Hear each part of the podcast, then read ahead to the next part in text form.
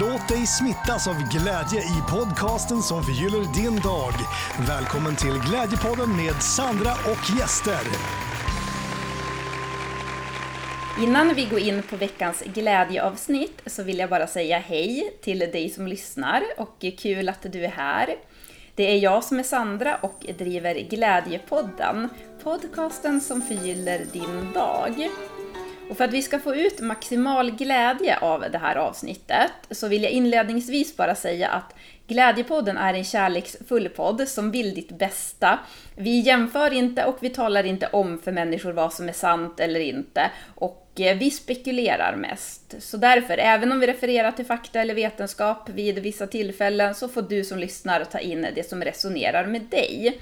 Och kom ihåg att inte jämföra dig med någon annan, för man vet aldrig vad andra människor har för resa.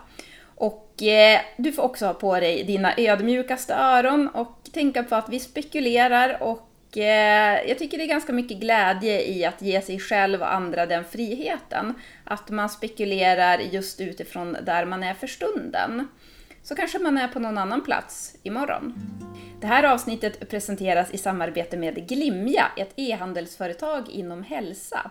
Så behöver du fylla på hälsolagret där hemma med produkter av absolut högsta kvalitet, då kan du också få 15% rabatt med koden Glädjepodden med stora bokstäver. Du hittar det här i poddbeskrivningen. Vill du komma i kontakt med mig av någon anledning så finns mina kontaktuppgifter i poddbeskrivningen. Prenumerera gärna på podden om du inte redan gör det och Glädjepodden i sociala medier hittar du under Glädjefabriken. Så lämnar vi nu över till veckans avsnitt av Glädje. Välkommen till ett väldigt spontant avsnitt av Glädjepodden. Man skulle nästan kunna säga att det här är ett bonusavsnitt. För det vet inte du, men jag hade faktiskt tänkt att jag skulle ta en paus den här veckan. Jag hade tänkt unna mig ett break. För att nu under augusti så har jag spelat in alla avsnitten själv. Och eh, från och med nästa vecka så kommer jag börja ha mer gäster igen. Men jag har så varit inne i något flöde då, då det har passat bäst att jag har ja, spelat in själv.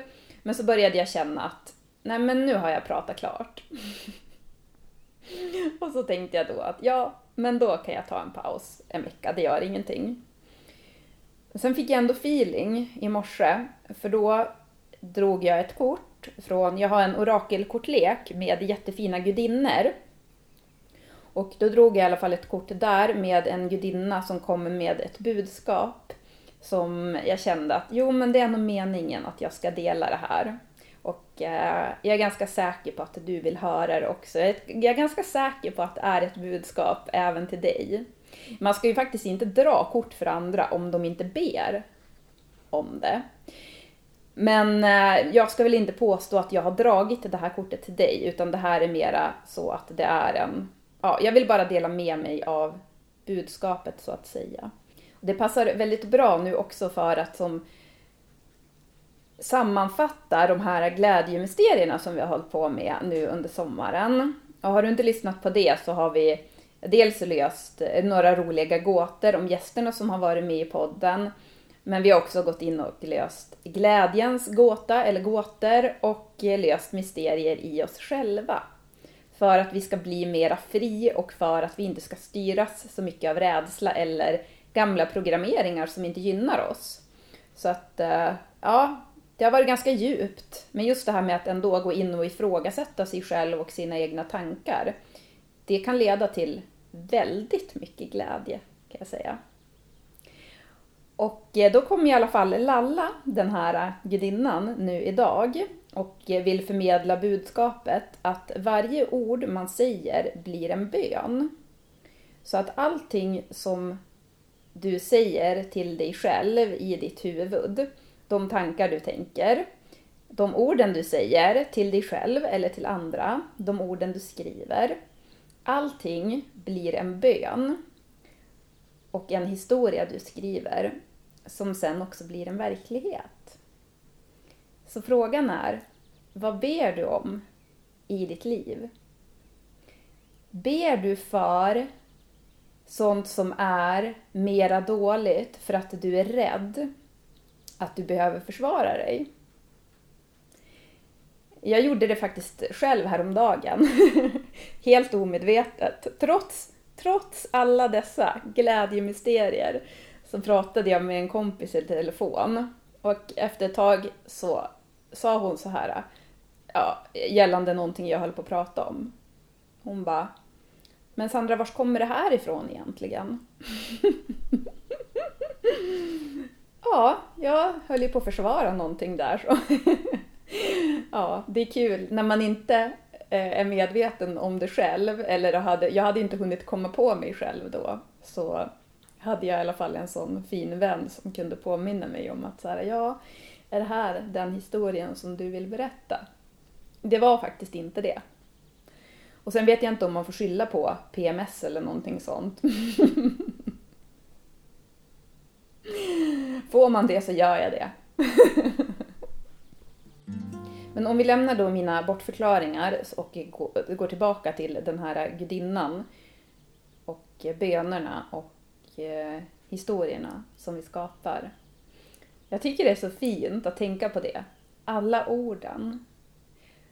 Jag vet inte om du har tänkt på det någon gång, men när man lyssnar på musik, alltså musik som det är text i, det finns ju också musik som bara är frekvens, vilket jag kan tycka är väldigt behagligt att lyssna på. Men när man då lyssnar på musik med text så är det väldigt mycket musik som är skriven utav smärta. Vilket jag själv kan förstå, för att jag tycker också att det kan vara skönt att på något sätt uttrycka sig med att skriva eller liknande när jag är i smärta eller sorg eller någonting. Men det påverkar ju en faktiskt. Och det kan ju vara så att ibland så kan det vara skönt att lyssna på någonting sånt om man själv är där och man kan relatera till det.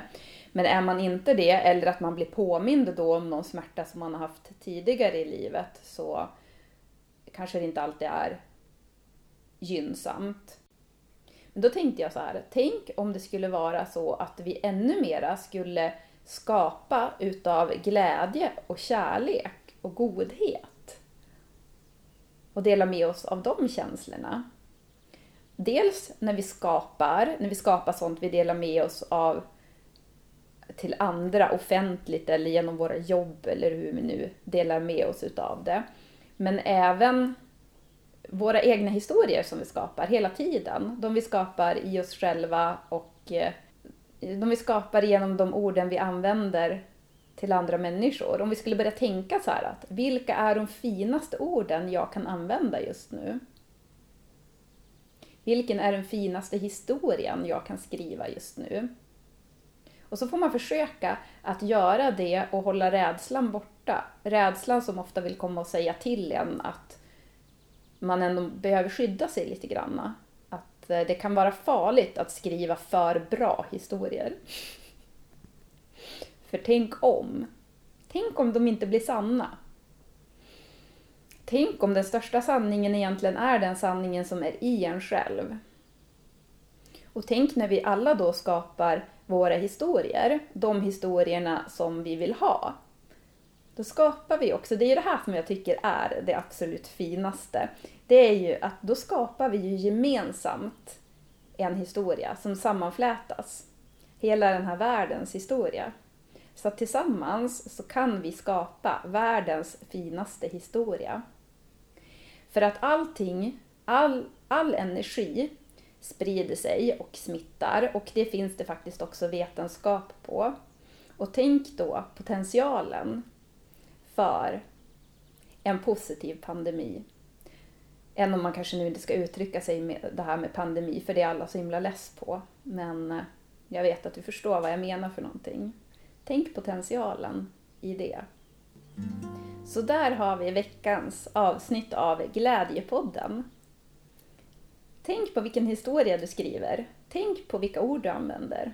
Vilka är de finaste orden du kan använda just nu? Försök ha med dig det. Så tar vi det som en glädjeboost den här veckan. Så ska jag avsluta nu med de finaste orden som jag kommer på just precis nu. Och då säger jag Tack för att du är du. Skapa den historia som gör dig mest glad. Sprid din glädje genom ditt välmående. För det är bästa sättet att sprida glädje på, genom att man själv mår bra. Då sprids det automatiskt utan att man egentligen behöver göra någonting. Så skapar vi nu tillsammans världens finaste historia.